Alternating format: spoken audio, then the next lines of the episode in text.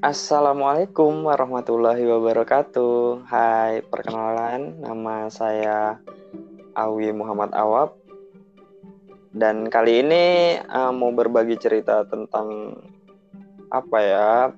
Uh, sharing tentang buku, terus bahas tentang buku juga. Nah, kali ini nggak sendiri. Saya ditemani oleh teman saya yaitu Hamidah Lutfi Widayanti. Tapi biasanya dipanggilnya Mida. Hai Mida. Hai Abang. Ini manggilnya Abang aja ya, nggak apa-apa ya. Ya, nggak apa-apa. Udah udah udah lama nih kita nggak ini ya ngobrol. Iya benar banget, udah lama banget. Nah sekarang kita mau ngomongin buku ya. Iya. Ini kalau e-book termasuk nggak? Ya nggak apa-apa. Oh ya, oke okay, kalau nggak apa-apa. Soalnya sekarang tuh lebih sering baca e-book sih dibanding kayak buku yang apa namanya, yang hard copy gitu. Sebenarnya bahasnya malah lebih ke first book yang pertama kali kamu bikin eh bikin kamu tertarik baca sih gitu. Oh gitu, boleh uh -uh. kayak gitu. Iya. Jadi akhirnya sampai sekarang masih minat baca buku karena buku itu gitu awalnya kan gitu. Hmm oke okay, oke. Okay. Hmm, Ini jadi, mulai dari ah. mulai dari abang dulu aja kali ya. Kalau abang sendiri sebenarnya mulai hobi baca itu karena baca buku apa?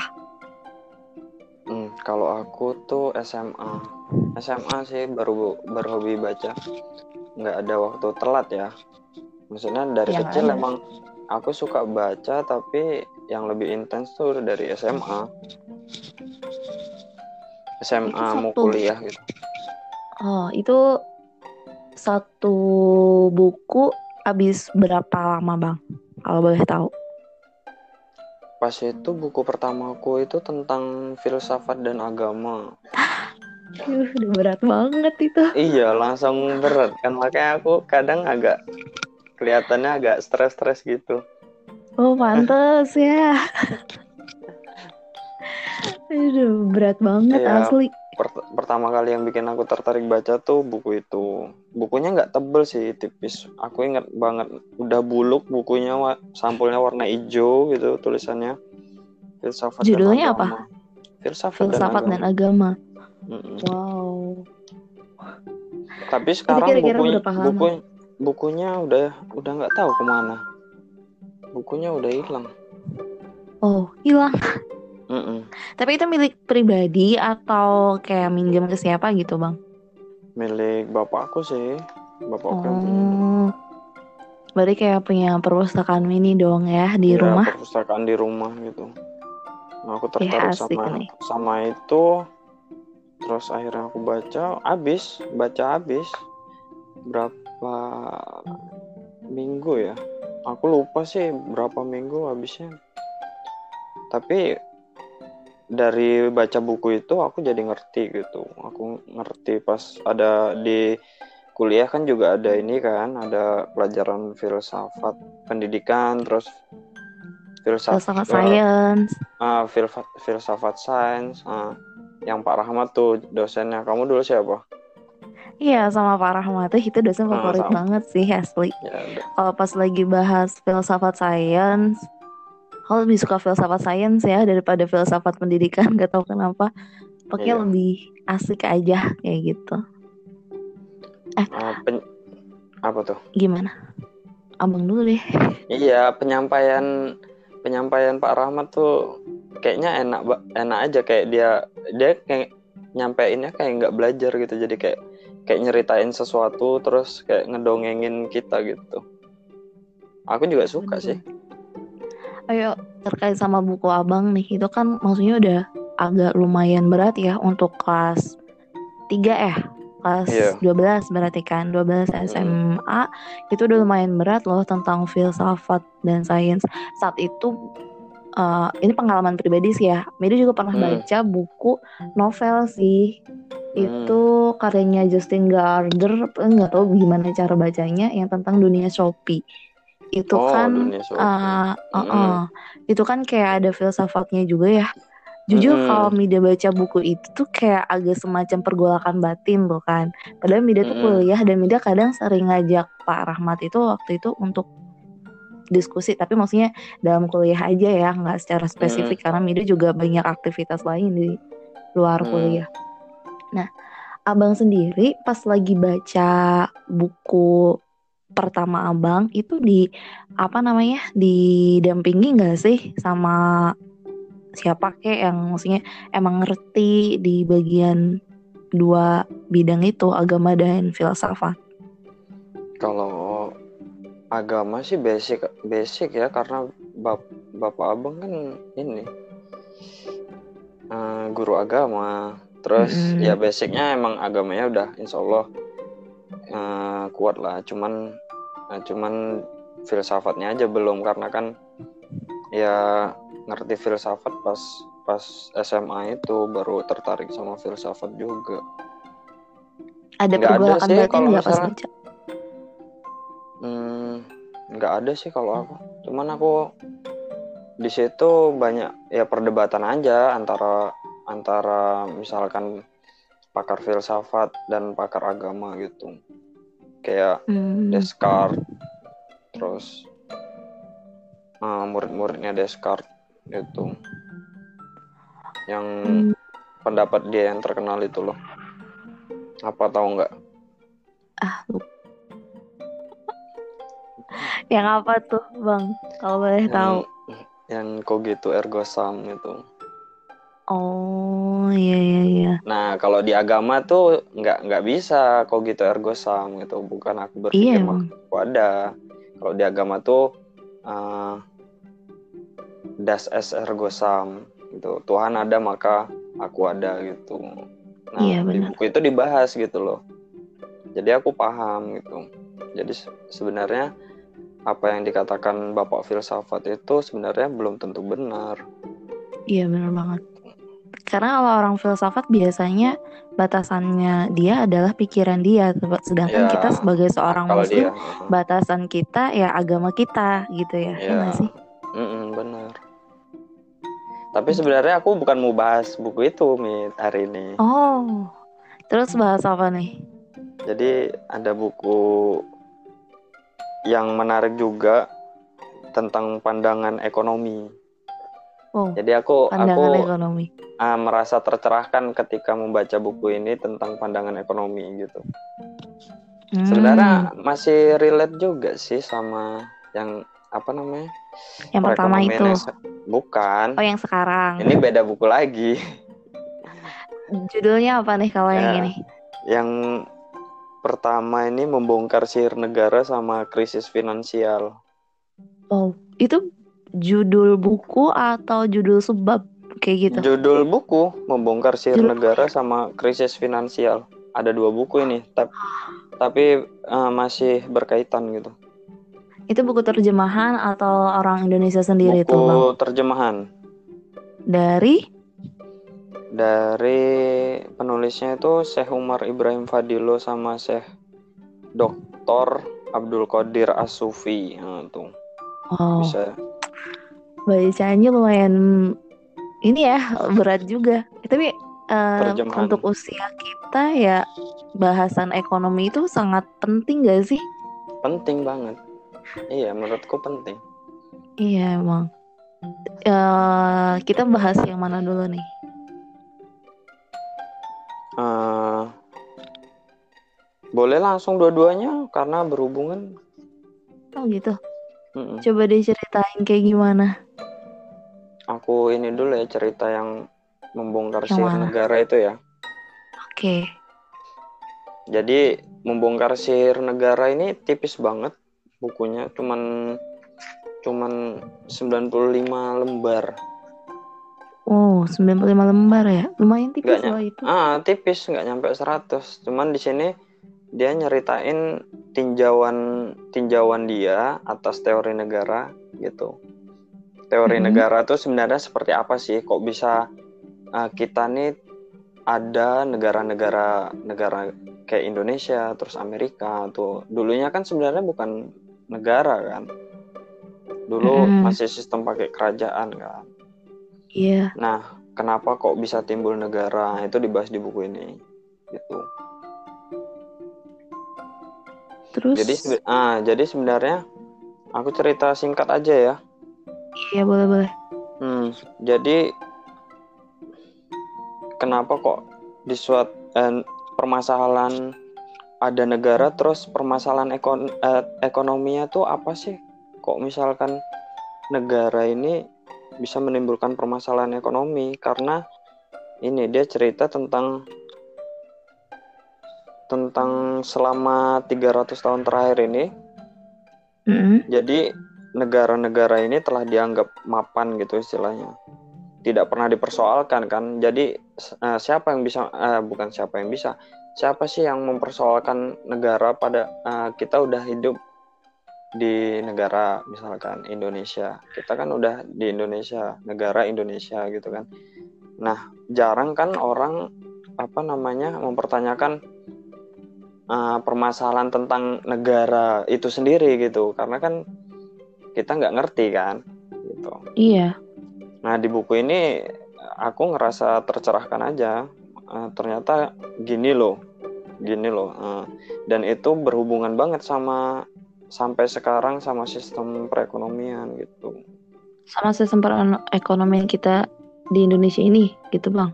Ya nggak hanya di Indonesia, di di di dunia yang memiliki negara intinya gitu. Dan konsep negara itu sebenarnya sama di setiap negara. Oh ya? Mm-hmm. Walaupun misalnya dia komunis, dia apa? Iya. Ya kan kalau dan lain sebagainya. Uh-uh yang penting dia embel-embel pakai negara gitu. Oh hmm. ada nggak sih yang yang nggak ada embel-embel negaranya? Nggak ada ya? Nggak ada. Rata-rata udah pakai negara. Nah itu sebenarnya kalau misalkan sering nonton YouTube tuh ada tuh konspirasi-konspirasi tentang uh, apa namanya kaum satu persen lah apalah. Nah ini berhubungan banget gitu. Hmm sayang banget nggak pernah nonton YouTube tentang itu ya. Nggak pernah ya? nggak uh, pernah bener. Serius kalau nonton YouTube bukan nonton itu. Aduh, iya sih. Terus itu kan buku yang sihir itu ya? Eh apa tadi? Nah membongkar sihir negara. Membongkar sihir negara. Sebenarnya apa sih negatifnya kita? Kan dulu tuh kita kan kayak uh, apa tuh? Hilafah ya? Ya nggak sih? Mana ada? Mana pernah kita hilafah oh zaman zaman nabi. zaman dulu ah, zaman nabi kayak ah. gitu-gitu ya. Hmm. sama sekarang sama sistem negara itu ininya apa sih? Uh, perbedaan bagusnya uh, bagusnya sama kurangnya itu apa? Hmm, jadi kalau di konsep negara ini dia sebenarnya ada kata kuncinya. Apa tuh? Jadi fak ada faktornya lah istilahnya. Faktor penentu penciptaan negara. Jadi faktor penentunya itu awalnya tuh udah tahu pernah dengar nggak? Apa? Bank of England Oh iya pernah pernah dengar. Dari siapa? Pelajaran sejarah. Dulu pelajaran sejarah kelas 11 cuma karena ya agak lumayan dulu agak bandel gitu ya di kelas kadang suka nggak terlalu dengerin ya nggak terlalu jelas juga sih cuma pernah dengar hmm. cerita tentang itu. Jadi gimana ini, nih kalau ya di sini diceritakan Bank of England itu faktor penentu penciptaan negara. Jadi awal mula uh, berdirinya suatu negara dan negara-negara yang lain itu dari ini, itu Bank of England ini tahun 16 1694. Emang apa yang dilakukan oleh bank itu, Bang?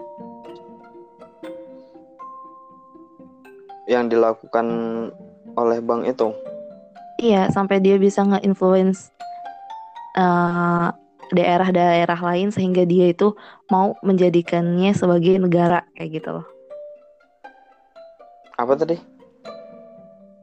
Ya, gimana Apa ya tadi maksudnya? apa yang dilakukan Oh, oleh yang dilakukan, Bank nah. England sampai membuat daerah-daerah lain tuh tertarik untuk membuat dirinya jadi sebuah negara kayak gitu loh bang. Nah ini, jadi dia tuh ada unsur uh, istilahnya unsur dari kenapa kok di, eh, di, terciptanya Bank of England ini. Dia pengen uh, membentuk negara modern. Terus yang pertama tuh negara modern tuh yang seperti apa? Hmm, negara modern tuh yang yang seperti jadi kan pencetakan pencetakan uang selama ini kan dilakukan oleh oleh siapa mit? Hmm, nggak tahu deh. Kalau Bank Indonesia ya oleh Bank Indonesia. kalau di Indonesia kan? Iya kalau di Ah. Indonesia. Kalau di yang lain nggak tahu bang karena ya emang nggak tahu. Nah itu hubungannya sama. Jadi Bank of Eng- England ini dia awalnya membentuk kayak utang nasional, terus uang fiat, terus bank sentral. Jadi tiga itu. Jadi di, Oh. di negara modern tuh pasti ada utang nasional, uang fiat, dan bank sentral. Nah kalau iya di Indonesia benar. bank sentralnya itu Bank Indonesia, nah BI kan. Ah, Kalau di negara-negara lain pasti ada bank sentralnya. Nah, tiga, tiga, tiga unsur tadi lah yang membentuk suatu negara. Nah, jadi hmm. uang umumnya uang yang beredar di Indonesia ini adalah uang fiat kan, uang fiat. Terus, nah uang yang beredar di Indonesia ini adalah utang khas, eh, istilahnya bond ya, bond atau Mm-mm. apa tuh namanya? Ya, Pokoknya bond adalah hutang. Uh, bank bank sentral itu memberikan pinjaman terhadap Indonesia sebesar tergantung berapa bondnya itu gitu. Makanya kemudian bank sentral bank sentral kemudian bank Indonesia mencetak sebesar bondnya itu. Jadi uang yang beredar ini sesuai dengan bondnya itu plus bunga. Nah utangnya itu makanya sampai sekarang utang-utang negara-negara yang dipinjemin oleh Bank of England tadi, Bank Sentral sekarang, itu nggak bakal bisa dilunasin. Karena ya bagaimana cara melunasi bunganya, kar ya kan? Mm-mm. Gimana Sebenarnya cara England melunasi? itu miliknya siapa sih, Bang? Nah itu, kalau ditanya miliknya siapa ya milik panjang banget silsilahnya ini ceritanya. Yang paling atasnya aja deh sebutin. Karena waktu Jadi, kita kan juga nggak ya terlalu itu banyak ya. kaum satu persen itu, mit Bank of England Oh, kayak kayak Rockefeller terus Rothschild gitu-gitu. oh, oh, Nggak pernah wow. dengar? Pernah dengar namanya doang, tapi nggak tahu orangnya sih. Kira emang belum tertarik untuk nyari tahu ya, Hmm. kayak gitu. Nah, negara ini kan ada dua tuh. Negara tuh ada dua. Jadi ada pemerintahan, terus ada perbankan. Kalau misalkan cuman ada pemerintahan, nggak ada perbankan, itu nggak bisa disebut negara, mit. Kalau di buku ini gitu. Hmm, ada nggak tuh yang kayak gitu? Nggak ada ya?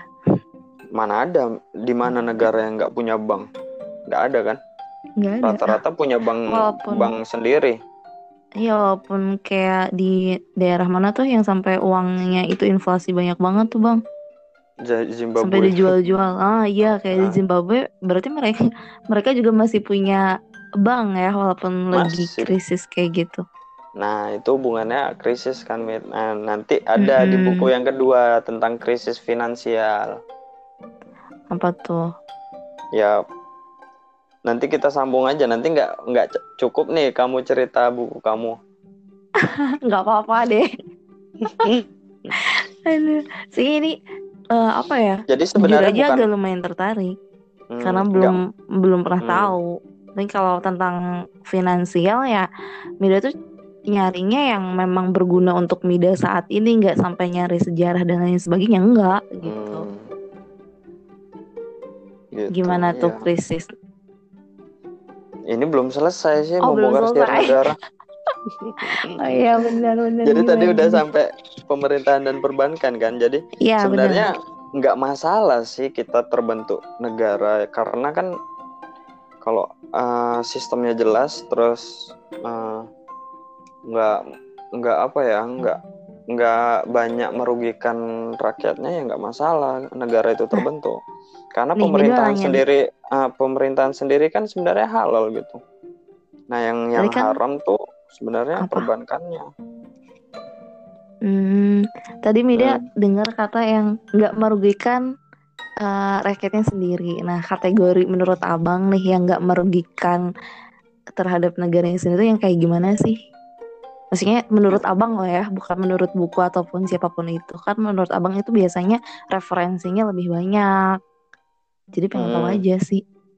Menurut abang yang nggak merugikan warga negaranya sendiri tuh yang kayak gimana kayak gimana kayak gimana gimana nih maksudnya umum banget sih jadi kalau negara yang nggak merugikan rakyatnya tuh yang negara yang nggak memberikan pajak. Nah, gampangnya gitu, Mit. Oh gitu. Berarti Indonesia nah. ini merugikan dong pemerintahan dan perbankannya kepada rakyatnya? Iya. Kan punya pajak. Karena semua itu membebani kepada rakyat. Hmm, terus negara kalau misalnya nggak punya pajak, pemasukannya dari mana? Pemasukan negaranya dari mana? Iya kan banyak hasil alam. Iya, iya ya. Oh masih de- masih nunggu jawaban Sultan oh. ya? Iya. ya itu. Aduh, kirain masih ada lanjutannya makanya tetap diem gitu loh. Ternyata ya, udah stop. kan gimana? Uh -uh, sumber daya alam kita kan banyak gitu. Jadi negara bisa memanfaatkan itu sih sebenarnya. Ya kayak misalkan nah nanti di krisis finansial nyambungnya lagi ke sebenarnya mata uang yang kita pakai ini sebenarnya uh, udah bener belum sih gitu. Nah, menarik, menarik banget sih, Mit. Mm -mm. Benar. Mata uang kita udah bener nggak sih? Jadi uang yeah. uang kertas yang kita pakai ini sebenarnya hmm, udah bener nggak sih solusinya apa gitu kalau misalkan nggak benar gitu. Wah, ya kita bahas itu nanti. Sekarang kita masih bahas apa nih? Tadi masih negara. Udah habis. Udah habis berarti kita boleh langsung ke ini ya. Ke, ke buku krisis kamu. nih. Oh ke buku. Kira mau ngomongin krisis gitu. Nah, kalau ke krisis ini hubungannya sama setiap negara kan pasti nggak bakal. Eh, jadi krisis itu istilahnya keniscayaan. Keniscayaan itu pasti lama kelamaan bakalan terkena krisis. Yang yeah. paling yang paling inget tuh kayak aku SD zamannya krisis 98 itu mit kamu ngerasain oh, udah SD oh, ya, masih kecil sih kamu kelahiran tahun masih berapa TK. sih Uh, TK ya? Belum oh ah? belum SD, belum SD. Oh ya belum SD. SD ah. tahun 2001. Iya ya. Ya itu. Pas Krisis. banget aku masuk SD itu krisis wow. 98 hmm.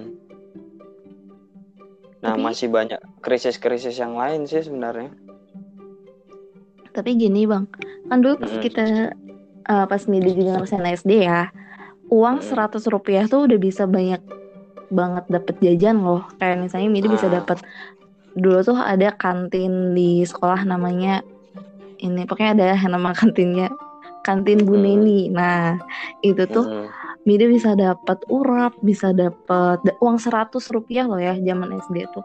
Dapat urap, dapat mendoan satu, dapat es teh.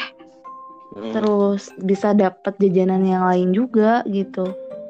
Hmm, itu seratus rupiah itu. udah kenyang. Nah sekarang kan kita kalau uh, seribu aja ya dapat maksudnya bisa ya, dikatakan dapat apa, apa gitu, sih dapet kayak gitu kan dua permen cuman kan nah sebenarnya kita tuh udah ngalamin krisis mungkin kayak ilusi kayak kayak kita sebenarnya nggak krisis tapi yeah, sebenarnya yeah. kita krisis kayak gitu loh bang itu sejak mm -hmm. kayaknya udah kita SMP nggak sih mungkin abang SMA ya dari SMP kayak itu udah mulai kayak 2000 tuh udah dapet sedikit banget ya nggak iya. sih mm. zaman nah. aku nah. SD malah met kalau SD itu ya Gimana? kelas berapa ya kelas ya kelas kelas kelas 6 mau ke ke SMP itulah udah udah kayak ter, terasa banget cuman nggak ngerti lah ini apa gitu kan ngertinya hmm. baru pas pas kuliah ini oh gitu ternyata tapi kita sebenarnya udah ngalamin kayak krisis enggak sih bang udah lama gitu kan sekarang iya. uh, pandemi gitu ya harga saham turun dan lain sebagainya kita nah, kan ngerasa kayak resesi Iya resesi kan maksudnya kita mau hmm. mau krisis lah ya. Nah hmm. sebenarnya kita udah ma mulai masuk tahap itu tuh dari lama kan? Iya. Nah ya, tergantung apa ya kalau itu? Tergantung apa? Tergantung daya beli masyarakat sih kayaknya, ya kan? Jadi kalau misalkan perekonomian di suatu negara daya belinya tinggi atau daya ekspor ekspornya tinggi ya dia aman-aman aja gitu. Jadi kayak hmm. kaum menengah ke atas membeli barang-barang barang-barang baku atau barang-barang primernya tuh stabil ya bakal stabil gitu. Hmm pernah follow ini nggak orang-orang yang odd money? Odd money itu apa? Uh, kayak orang-orang yang emang kaya dari dulu gitu loh bang. Sebelum adanya krisis 98. Enggak sih, aku nggak ada mau follow kayak gitu. Oh, video video follow. Aku sering baca-baca aja sih. Siapa? Uh, ini namanya Harumi apa ya? Dia lupa itu dia baru-baru follow sih kayak uh, orang Indonesia orang Indonesia. Jadi dia itu hmm. dulunya bapaknya itu punya bisnis kayak gitu lah ya bang. Nah hmm, tahun sembilan delapan, wah kurang tahu sih dia nggak terlalu ini soalnya followers baru ya, cuma hmm. lihat sekilas doang. Dari beberapa Q&A dan lain sebagainya tuh media nangkap kalau dia tuh dulu hidupnya udah enak banget di zamannya Pak Harto juga dia udah sering dibawa ke acara-acara pertemuan kayak gitu masih kecil loh nah terus hmm. ketika 98 usaha bapaknya itu udah mulai kolaps kan kayak gitu-gitu nah sekarang dia juga ngerasain kalau misalnya uh, apa ya dia udah pokoknya dia udah survive dari bapaknya itu kok apa kolaps terus meninggal. Jadi kan dia kayak dari nol lagi gitu loh meniti karirnya dia hmm. sendiri. Dan sampai sekarang dia jadi berubah. Maksudnya ya gaya hidup orang kan parameternya emang beda-beda ya bang. Menurut mungkin menurut hmm. sebagian orang kalau dia itu berlebihan tapi kalau menurut dia dan media yang emang udah tahu maksudnya udah pernah lihat-lihat dari storynya dia yang dulu-dulu ya menurut dia itu udah beda banget. Kayak yang lebih menghargai uang kayak lebih maksudnya walaupun dia dulunya sekaya itu dan sekarang masih tetap kaya sih tapi nggak yang kayak berhamburan-hamburan nggak jelas kayak gitu loh oh. sering bahas juga masalah finansial krisis dan lain sebagainya cuma ya, kan Uh -uh, cuma karena lagi Siapa hamil. namanya? Harumi. Harumi? Harumi apa ya? Nggak tahu deh nanti coba dicek aja di Instagram dia dia follow kok. Harumi apa hmm. gitu. Iya, yeah. Gitu. Tuh lumayan sih, Bang. Bahasannya. Kalau dulu kan ada kayak akun ini pernah tahu nggak sih bang akun Joska Jessica tahu. Uh -uh. Dulu kan itu sering bahas kayak finansial krisis dan lain sebagainya kan. Hmm. Sayang banget sekarang udah nggak ada. Apa ada di hack ya? Hmm, Pernah kayaknya di report sih kayaknya. Soalnya ada kasus. Ada ya rata-rata rata-rata yang belak-belakan ngebahas kayak gitu bakal hilang gitu aja sih nggak tahu. Entah jadi pemain atau dihilangin gitu ya bang. Iya. Aduh. Ya udah gantian deh bahas buku Mida bahas apa? Buku yang pertama kali bikin hobi baca. Mm -mm. itu sebenarnya kalau pertama kali bikin hobi baca adalah buku cerita zaman media TK. Eh bukan buku hmm. cerita sih, majalah. Majalah, Tau majalah apa? Iya bener banget majalah Bobo. Media senang banget yang namanya majalah Bobo. Itu adalah buku eh, nggak bisa dibilang buku juga ya. Pokoknya majalah pertama yang ya, bikin media itu pengen banget baca pengen dan baca gitu uh -uh, jadi kayak ada apa apalagi kolom yang si siapa tuh yang kayak putri-putri gitu terus ada baju ijo kayak gitu-gitu loh lupa hmm. siapa nah kan ada kolom kayak kartun-kartun gitu ya nah itu yang hmm. bikin beda makin suka sama komik nah hmm. mulai SMP Mida rutin beli komik tiap bulan tuh hmm. bisa beli satu minimal satu tapi seringnya ya sebulan itu Mida bisa beli empat lima hmm kayak gitu-gitu. Komik apa? Iya bebas, cuma Mida lebih suka kayak komik olahraga kayak gitu-gitu. Pokoknya Mida nggak hmm. suka yang fantasi lah. Pokoknya Mida sukanya yang olahraga dan punya cerita yang tentang apa ya sih friendship kayak gitu deh. Pokoknya Mida senangnya yang kayak hmm, iya, gitu. Iya. Nah itu ngumpulin sampai banyak koleksi dulu tuh udah nyampe berapa ya tiap bayangin aja dari mulai SMP kelas 1 Mida udah beli-beli komik sampai SMA mau kuliah tuh masih beli-beli hmm. sampai punya poster sering gambar yang tadinya nggak bisa gambar jadi bisa gambar gara-gara suka hmm. baca komik gitu jadi sekarang komiknya masih ada komiknya sekarang tinggal sebagian doang sih bang karena Mida tinggal kuliah ternyata kan Mida tuh rumahnya sering banget dikunjungi tamu-tamu gitu ya. Kadang ada anaknya hmm. temannya mama yang kecil tuh main terus lihat kan suka oh, kadang karena media nggak gitu. ada. Uh, media kan nggak punya tempat sholat tuh rumah karena deket masjid. Hmm. Kadang kalau misalnya udah kelewat waktu sholat kan numpang sholat kan ya. Itu biasanya di kamar media. Hmm. Nah kamar media itu tetap tuh masih ada komik dan sebagainya. Itu kadang suka bilangnya minjem tapi nggak balik gitu loh. Dan kalau misalnya di maksudnya Media kan ngomongnya sama anaknya karena tahu eh dek mana? Kamu kan minjem komik aku kan yang ini. Udah kan hafal ya orang komik sendiri kesukaan hmm. sendiri. hmm. dia bilangnya enggak aku nggak minjem nih sedih banget gak sih? Kayak gitu. Itulah. Itu komik-komik ya Mida banyak. Sekarang cuma tinggal berapa ya? Ini juga ada yang dipinjam sama teman belum balik nih. Uh, pokoknya se tahu lemari yang ala-ala ini gak sih? Ala-ala kos. Hmm. yang di Jogja. Nah, itu sederet. Oh. Sederet. Se ini doang sih nggak banyak. Sederet doang. Lainnya cuma ya, kayak ya, buku bacaan. Itu sisanya doang bang. Sedih banget kan?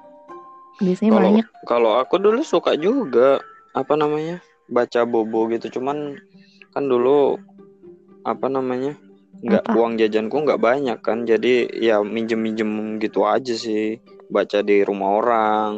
Hmm. masih inget komik-komik yang suka aku baca tuh kayak Apa Slam Dunk dulu ada tuh komik ah, Slam iya bener banget udah juga suka.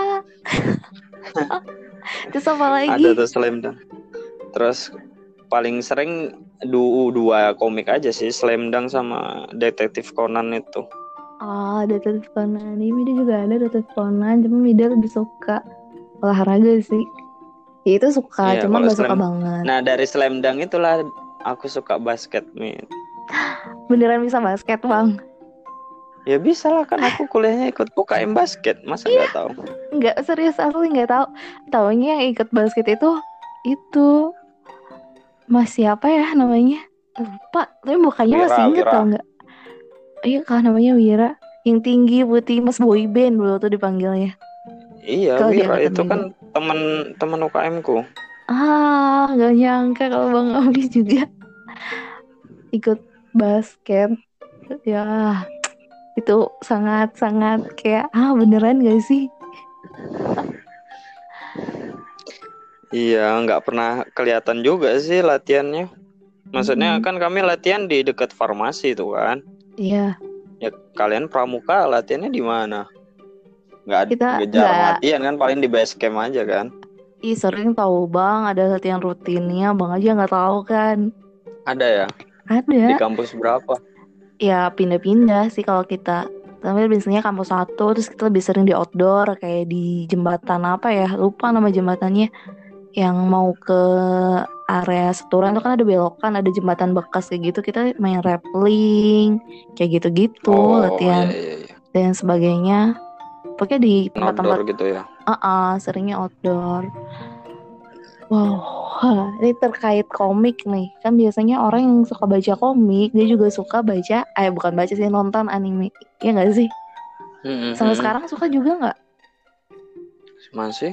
Nonton apa kalau sekarang? Hmm, nonton apa ya namanya? Lupa gue nama nama judulnya. One Piece masih ngikutin. Uh. Cum ada ada anime baru tuh apa? tentang masak-masak itu apa oh, namanya? Oh, ini ya. Sokugi no Soma. Itu sebenarnya anime lama ah, loh, Bang. Iya, iya itu, Itu tuh dari eh beda SMP apa SMA ya Mido udah tahu anime itu. Iya ya. Ah itu udah lama. Oh, aku baru tahu soalnya. iya. Udah, udah apa judulnya? So, Susah banget Soku soalnya. Sokugeki no Soma. Kalau ah, iya, tuh itu. nonton ini sekarang tuh cuma nungguin Haikyuu doang sih. Kayak yang, yang lain tuh udah agak udah agak males karena kan hmm. terlalu sebentar ya buat hiburannya hmm. anime paling berapa menit sih 28 menit dan sekarang openingnya ya, terlalu lama menit. jadi sering di skip nggak kayak dulu dulu kan sebentar hmm. opening sama apa hmm. tuh closingnya kan hmm. gitu sekarang lebih sering nonton apa coba drakor hmm. parah banget ada tapi jadi, jadi buku yang mau dibahas apa nih uh, apa ya tentang apa sih bang? Oh ini aja buku yang pertama kali menginspirasiku. Oke boleh. Buku yang pertama kali menginspirasiku itu buku karyanya Afu Adi. Ya, itu tuh judulnya. Afu Adi. Ah. Ya, yang negeri, negeri lima. Tiga menara itu. Lima eh, bang. Lima ya. Iya negeri lima oh, menara. Lima, ya Negeri Lima hmm. Menara, Ranah Tiga Warna, sama hmm. Rantau Satu Muara, iya kan? Kalau nggak salah hmm. judul-judulnya. Cuma hmm. yang paling ngena banget itu dari serial itu cuma satu sih, Negeri Lima Menara itu. Hmm, coba ceritain gimana tuh? Uh, ya udah agak lupa sih ya, emang karena udah lama banget. Cuma yang paling ngena pesan-pesannya aja yang masih melekat. Ya masih melekat. Mm-hmm. di intinya yang uh, dulu kan zaman zaman belum mikir ya kayak yang aku aja masih belum pernah uh, apa ya bapan lah dulu mah ya. Pas SMP SD SMP itu jilbabnya sih? Pasang apa pasang copot pasang copot kayak gitu gitu kan SMA hmm. juga masih kadang malah ke sekolah ya nggak pakai jilbab masih pakai seragam karena negeri kan seragamnya masih pendek juga. Nah hmm. pas kelas 3 itu uh, jadi ada kayak itu di tempatnya Mide sih masih Cimanggu ya. Itu ada ini bang ada ada perpustakaan baru. Itu jadi kayak ada relawan-relawan gitu kan. Nah, teman Mida itu karena rumahnya dekat sama itu dia sering bawa buku kayak gitu loh. Nah, hmm. Media kan ikut ekskul dulu pemrograman komputer. Nah, setelah ikut pemrograman komputer itu dia kok baca buku terus kita nanya dong dan itu baru-baru loh bang buku-bukunya dia hmm. nanya kan eh boleh nggak aku pinjem ya boleh lah tapi kamu harus jadi member gini gini gini gini kayak gitu ya dulu juga media sering hmm. di dekat sekolah tuh ada kayak tempat penyewaan buku gitu cuma kebanyakan komik Mira juga sering nyewa di situ. Cuma kalau novel tuh sedikit banget dan nggak terbaru-baru gitu. Dia masih lama produknya. Nah, Mida minjem lah hmm. sama teman Mida ke sana minjem ke awalnya minjem itu pakai nama dia ya. Itu hmm. baru sehari. Nah, baca karena pas lagi kayak kelas meeting gitu Mida kan gak jago olahraga ya olahraga kayak poli dan lain sebagainya karena gak jago akhirnya hmm. Cuma baca dukung teman-teman aja ntar kalau pas lagi nunggu teman-teman mau tanding ya Mida baca kayak gitu. Kalau pas tanding Mida nonton, semangatin, support dan sebagainya. Nah, Mida baca tuh kayak kok asik banget. Akhirnya baca tuh itu kan lumayan tebel ya bukunya. Itu Mida yeah. bisa baca tuh udah hampir sepertiganya, Bang. Kayak pokoknya langsung tenggelam aja larut dalam itu. itu. Uh -uh, kayak langsung tenggelam aja larut dalam itu. Yang tadinya per, apa perspektif Mida kalau yang namanya anak-anak ya Mida juga jarang di rumah maksudnya emang jarang dulu tuh nggak deket sama orang tua jadi kayak jarang aja komunikasi tentang gimana sih sebenarnya Islam itu memandang hmm. seseorang dari segi keilmuannya dan lain sebagainya itu emang jarang banget diskusi masalah kayak gitu. Nah hmm. di situ tuh Mida baru ngeh kalau yang namanya uh, kadang kita tuh keinginan nggak bisa sesu apa ya kita nggak bisa sesuai dengan keinginan kita terus gitu loh kadang hmm. kita sebagai anak juga harus ngikutin apa maunya orang tua kayak gitu kan kan di situ si siapa ya namanya Alif ya Alif itu kan nggak mau mesantren tapi bapaknya pengen dia mesantren terus kan. Akhirnya dia ke pesantren itu di Gontor. Nah dari situ Mida juga mikir oh iya apa aku juga terlalu maksudnya memaksakan diri dan terlalu idealis lah intinya gitu kan. Nah habis itu di situ juga kayak ah orang-orang di pondok ternyata nggak bego loh. Maksudnya nggak cuma tahu ngaji doang gitu loh. Iya, ternyata iya, iya. bisa tergantung pesantrennya juga nggak sih itu? Iya jelas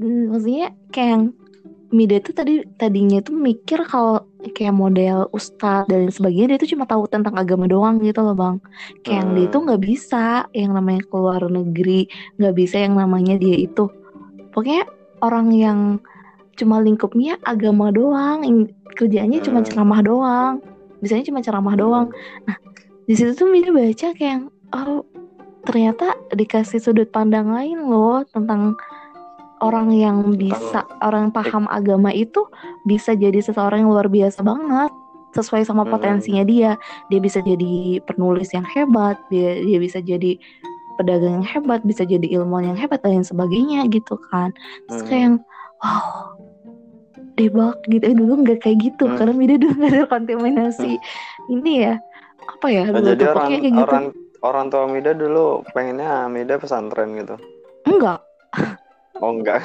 Enggak maksudnya kayak Kirain pengennya pesantren. Enggak kayak Mida itu, Mida kan pengennya ke teknik terus Bang sebenarnya kuliah tuh. Hmm. Gitu. Kayak orang tua sama Om itu pengennya kalau Mida itu uh, keguruan aja kayak gitu, gini gitu ya. Pokoknya pergolakan apa ya antara anak antara dan orang anak tua. dan orang tua gitu kan hmm. sengit itu dari mulai masuk kelas 3 udah mulai perang-perang begitu bang hmm. Tapi ya hmm, akhirnya sampai, ngikutin orang tua juga. Iya karena memang Mida nggak ada karena Mida nggak daftar gitu. Hmm. nggak pokoknya kayak kuliah udah tinggal berangkat aja didaftarin ya bang.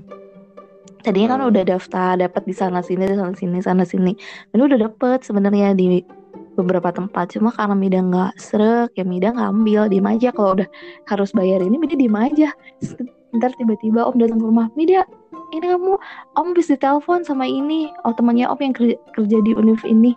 Kamu katanya lulus ini kenapa kamu nggak bilang? Kan harusnya kamu daftar ulang gini gini gini. Diem aja hmm. ya. Nggak mau orang nggak mau. Ya tahu-tahu daftarlah ke UAD sebenarnya UAD juga awalnya Mida nggak daftar itu bang. Mida daftar farmasi Mida juga sempat daftar hmm. Apa tuh namanya BK pokoknya daftarnya itu nggak sekali dua kali memang sering bolak balik hmm. Jogja juga nyari kampus Nah terakhir hmm. daftar fisika lah itu sama om. Ada ini aja. Terus tau-tau besok ospek ini dia nggak tahu loh daftar ulang kapan dan sebagainya nggak tahu sama hmm. sekali itu uh, udah terima om beres doang. aja. Ada terima beres sudah tinggal. Oh besok hmm. ini hari Senin tuh ospek eh bukan hari Minggunya itu kan kayak ada pra ospek ya. Hmm. Nah, itu tuh kayak Mida tuh harus berangkat hari Jumat atau malam hari Sabtunya itu Mida harus di Jogja nyari kosan karena belum nyari kosan dan sebagainya. tapi sebelumnya sih, tahu kan jurusannya apa tahu pendidikan fisika tapi itu dikasih tahu oh, ya. kayak dikasih tahu doang Mida cuma niat main oh, doang ya. kalau misalnya suruh oh, TOEFL ya. ya main doang kayak gitu-gitu kayak uh, niat banget asli terus udahlah si om itu ke rumah suruh Mida beres-beresin barang-barang. Mida nggak mau bang. Nangis asli. Itu diberesin sama mama sama tante sama om kadang-kadang nyuruh ini ini bawa ini ini bawa kayak gitu-gitu kan udah bang enggak sama sekali karena memang masih masih ini udah mau, anak gitu. satu-satunya ribet lagi gitu kan. Iya gitu deh oke tapi enggak sih bang. Enggak satu-satunya karena okay. sepupu Mida enggak maksudnya Mida itu sepantaran sama sepupu Mida loh, nggak cuma sendiri. Jadi ada tiga orang oh, yang ada bareng. sepupu juga. Mm -mm, oh. Ada sepupu juga, cuma dia ikut UM dan sebagainya sesuai dengan hmm. keinginannya dia. Sedangkan kalau Mida tuh enggak jadi kayak berontak rebelnya itu udah menjadi-jadi gitu loh si Mida nih. Hmm. nah, habis itu hmm. Mida berangkat. Sepupu Mida mah tanpa disuruh aja dia udah beres-beres berangkat. Di, ya dianterin juga sih. Mida tuh dianterin di kosan, udah nyampe sana selesai langsung nyari kosan nyampe Jogja pagi-pagi subuh sholat subuh jam 8 habis sarapan tuh ini langsung nyari kosan dapat kosan langsung ditinggal. Hmm. kayak kucing banget gak sih? Sampai dibilang gini kamu udah berangkat aja. Terus belum berangkatnya sama om. Ini tuh nggak mau om. Ini kan cuma pengennya di teknik. Emang kenapa sih? Apa salahnya? Udah tahu kok Mida mampu di situ. Memang gitu kan terus hmm. kamu tuh bilang yaudah coba aja dulu setahun. Nanti kalau setahun gak cocok kamu boleh kok ke pindah jurusan bilangnya kayak gitu. Hmm. Paan giliran udah. Ini iya sih emang emang bener sih. Om bilang pas mulai tahun ajaran baru lagi kan semester baru hmm. tuh cocok nggak Mida, gitu? Mida nggak gimana? Mau pindah nggak? Ya Mida tuh udah asik kenal teman-teman. Udah maksudnya bukan asik sama teman-teman kelas ya kayak teman-teman di kampus gitu loh bang. Karena uh -uh, kayak antara kalau pindah cari teman baru lagi gitu kan susah. Ini nggak masalah sih. Ntar kalau pindah apa ya males banget harus belajar lagi. Nah itu yang bikin iya itu. Bukan masalah nyari teman mulai dari awalnya lagi belajar laginya itu karena harus ikut seleksi dan sebagainya kan. Aduh males. Tetap walaupun kita hmm. belajar matematika dasar fisika dasar dan sebagainya cuma kan beda ya. Ya beda. Ngerasanya beda aja kayak gitu kan. Akhirnya hmm. enggak deh enggak enggak mau nyuji coba kayak gitu. Sampai lah hmm. nah balik ke buku. Di buku itu kan beda itu baru sebatas ini ya. Kayak keinginan kita tuh nggak harus sesuai sama apa namanya apa yang kita apa ya apa yang kita pengen nggak harus sesuai kayak gitu ya uh. nggak harus sesuai terjadi maksudnya kayak gitu uh. ah bingung banget lah itu bahasanya nah yang kedua itu yang beda ngena banget adalah uh, yang di pokoknya bagian-bagian yang dia sering si Alifnya itu nongkrong di menara kayak gitu yang dia kayak hmm. keinget orang tuanya dan lain sebagainya terus mikirin masa depan gitu-gitu kan nah hmm. di situ tuh kayak Mida lupa sih dialog mana tapi Mida tuh nangis beneran nangis bang di kelas yeah. Mida tuh terkenal maksudnya emang Mida tuh jarang loh susah banget buat dulu tuh kayak dulu ya itu jarang banget buat nangis apalagi di depan orang itu nggak pernah Hmm. Nah itu tuh nangis. Kayak nangis langsung meneteskan air mata aja ngalir kayak gitu. Langsung hmm. gitu-gitu nggak sih? Apa ya namanya sesegukan kalau di media tuh. Hmm. sesegukan gitu. Tanya dong kenapa? Nggak tahu kok kayaknya ngap banget. Maksudnya kayak aduh ini terlalu nyesek banget sih. Terus akhirnya kayak mikir oh ya dunia itu nggak segalanya. Gitu tuh butuh apa ya butuh persiapan buat akhirat juga. Di cewek itu kan karena bahasannya tentang pondok ya di situ otomatis mm. kan kayak ada nilai-nilai religiusnya ya bang itu kayak mm. oh iya ya aku tuh memang harus nutup aurat ke aku nggak bisa nih kayak gini terus akhirnya Mida mulai itu di situ pakai jilbab hmm. dari habis baca itu tuh kayak pakai jilbab dulu kan zaman ngehitsnya tuh jilbab Prabani ya nah ini pakai jilbab Rabani bang. Nah ke mana-mana gitu walaupun kayak pake... mana tuh yang Rabani ya mama abang pasti tahu. iya pokoknya gitu. Enggak sih kalau anak pesantren kan kerudung segi empat di di kayak anak SMA Jogja kayak gitu kan. Enggak itu tuh kerudung Rabani Rabani ya tuh yang kayak mana? Iya nggak tahu deh. Pokoknya tiap abang abis ini searching sendiri deh kerudung Rabani itu macam apa. Okay. Jadi sampai punya kerudung rabani itu cuma dua ya karena Mida emang jarang sih pakai kerudung. Jadi cuma kerudung segi empat kayak gitu-gitu. Paling kerudung sekolah gitu-gitu doang hmm. sih. Nggak ada hmm. spesifik buat main dan sebagainya. Mida nyoba tuh. Bisa nggak ya?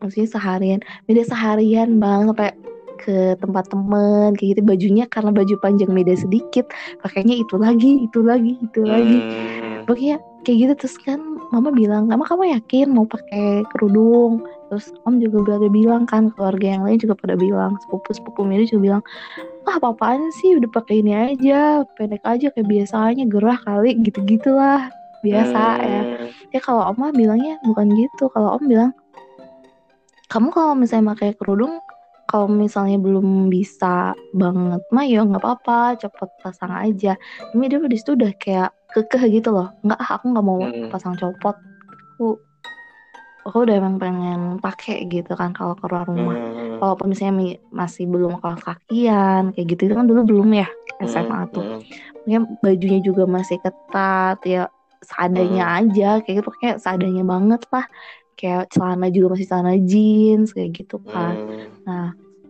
main ke tempat temen suka kan maksudnya gini loh temen-temen tuh Mida tuh cowok banget kata teman-teman tuh kan. Yang mau cewek mau cowok pasti bilangnya kayak gitu kayak sukanya anime. Terus hmm. uh, ya gitu gitulah suka anime kadang suka gambar. Terus kalau ada kayak majalah-majalah teknik itu Mida emang suka gitu bang. Dari SMA Mida hmm, udah kayak iya, iya. baca-baca kayak gitu-gitu kan.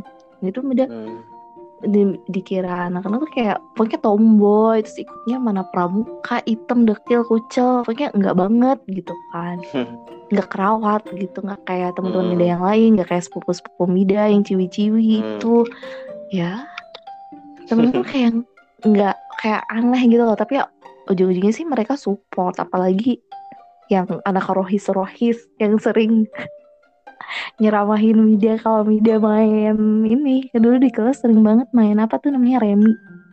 Hmm ya ya mungkin sering main banget sering main remi. Mereka tuh walaupun media masih main remi ya maksudnya nggak nggak judi sih bang. Kayak cuma main aja iya, biasa. main-main gitu aja kan. Uh -uh.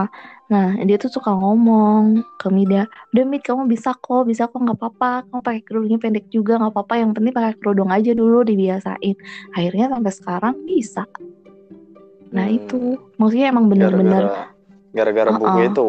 Iya bener-bener ngubah ngubah cara pandang Mida ngubah yang tadinya Mida apa ya kayak nggak mau pakai kerudung.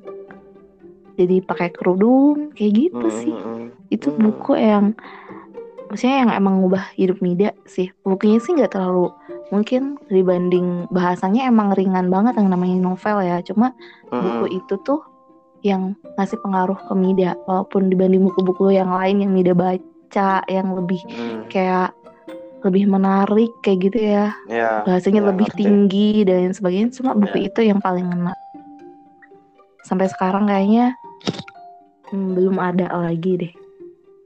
Buku yang maksudnya sampai ngubah ini ngubah Mida gitu cara pandang Mida nggak ada oh ada deh Mida bilang nggak bilang nggak ada salah banget ebook ebook tentang ada, apa uh -uh. tentang sebenarnya tentang psikologi sih bang.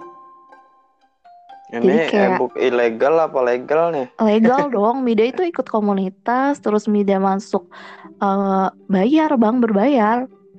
Oh ebooknya kita beli ebook? Iya, beli ebook oh. beneran ini ini legal. Okay. Jadi tapi Mida nggak mau nyebutin judulnya ya. Tapi kalau penasaran pasti boleh nanya deh ke Mida.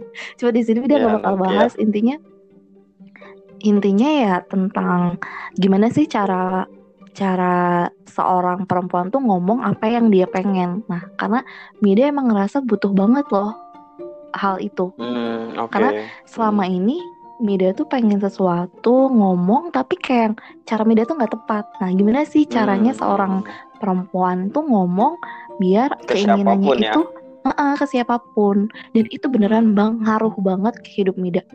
Maksudnya hmm. uh, Mida praktekin dan itu memang iya berhasil gitu itu works kayak gitu loh bang hmm. kayak ah kayak kayak nggak percaya awalnya ini beneran ya sesimpel itu ya kayak gitu hmm. mungkin cowok juga bisa sih nerapin cuma Beda nggak tahu tuh belum pernah Beda belum ada ini sih ada hmm. ada tahu cowok nerapin itu sih nggak tahu nah itu itu benar-benar kayak gimana sih cara kita ngomongnya, gimana cara uh, apa ya body language kita tuh harus kayak gimana, terus hmm. cara biar orang itu uh, inget kita tuh kayak gimana gitu-gitu bang. Hmm. Ini memang ada triknya. Tapi kalau misalnya kita sembarangan ini uh, memperlakukan trik itu ke orang itu bisa gawat bisa gawatnya dalam artian gini kita nggak suka misalnya sama orang itu ya bang. Nanti dia bisa jadi nanti orang itu malah suka kita gitu. suka. Gitu. ah iya bener banget. Dan Mida tuh kadang suka ke kelupaan gitu loh. Mida nggak punya kebutuhan apa pun sama dia. Dalam artian misalnya kalau sama bos jelas ya Mida butuh untuk maksudnya kita nggak munafik lah bang. Kita pengen kemudahan ya nggak sih? Hmm. nah misalnya ya kalau misalnya ini ya di ACC kalau nggak di ACC apa sih yang harus diperbaiki? Maksudnya biar jalannya tuh nggak ribet udah langsung to the point. Hmm, hmm. kayak gitu kan. Nggak harus pakai drama kayak gitu kan. Hmm. nah itu kalau sama bos ya media juga pakai sama rekan kerja media pakai ya lumayan. Kalau pernah tuh keceplosan sama ini uh, ada kan kenalan temannya Mida, teman kerja Mida tuh punya temen. Nah, temannya itu pengen kenalan sama Mida. Nah, hmm. dia ngajak, maksudnya ngajak ketemu gitu kan. Nah, pas ketemu Mida keceplosan kan udah kebiasaan mungkin ya bang ya. Hmm. Mida tuh sebenarnya biasa aja. Dan itu juga nggak semuanya Mida praktekin gitu loh bang. Hmm.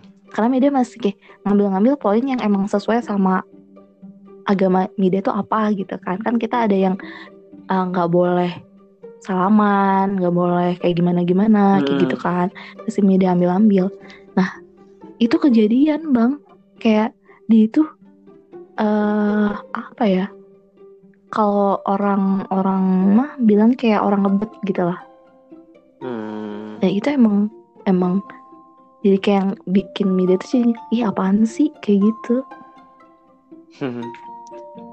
itu ada buku tentang itu dan itu bekerja banget jadi buat para cewek-cewek kalau misalnya dengar podcast ini penting banget sih kita tuh belajar gimana cara ngomongnya kita biar walaupun caranya mungkin penyampaiannya tetap ribet tapi judul bukunya uh, aja deh di sharing oh judul bukunya itu bahasa pria.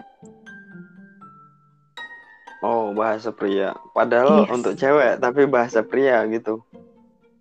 Iya karena bahasanya itu gimana caranya kita nyampein apa yang kita ke mau pria, ke pria. Gitu. Ah. Okay. Tapi itu lumayan okay. loh bang asli. Hmm. Itu satu dan satu lagi itu tentang ini. Ini media juga berbayar ya. Hmm. Tentang psikologi juga. Oh, jadi suka psikologi nih? Iya, akhir-akhir ini tuh lebih tertarik ke psikologi sih bang. Kalau yang ini tuh lebih uh, dominan ke cara apa ya? Ya hampir sama sih tentang gimana caranya kita negosiasi dengan orang kayak gitu-gitu ya. Hmm, Cuma lebih ke itu. selain negosiasi ini tuh Amida ikut klub ini tuh apa ya bahasan tentang relationship. Hmm. Jadi gimana sih sebenarnya relationship itu yang sehat gitu-gitu deh. Hmm, Cuma iya, kan iya. maksudnya Mida udah ngerasa butuh kita nggak mungkin tetap sendiri dong bang ya kan iya hmm. jadi hmm, sebelum Mida kenal dua dua dua course itu ya Mida tuh udah nganggep gini yang namanya uh, relationship itu bisa dipelajari yang namanya kita berhubungan sama orang, entah itu teman hmm. atau apa pun itu kita pasti ada ilmunya, pasti kita bisa mempelajari itu, pasti bisa jadi lebih baik. Nah, akhirnya Mida nyari-nyari dan ketemulah itu dua tempat kursus itu. Hmm. Oke. Okay. Itu sih bang. Udah. Udah ceritanya. Sebenarnya kalau bahas buku masih banyak sih buku-buku yang lebih menarik.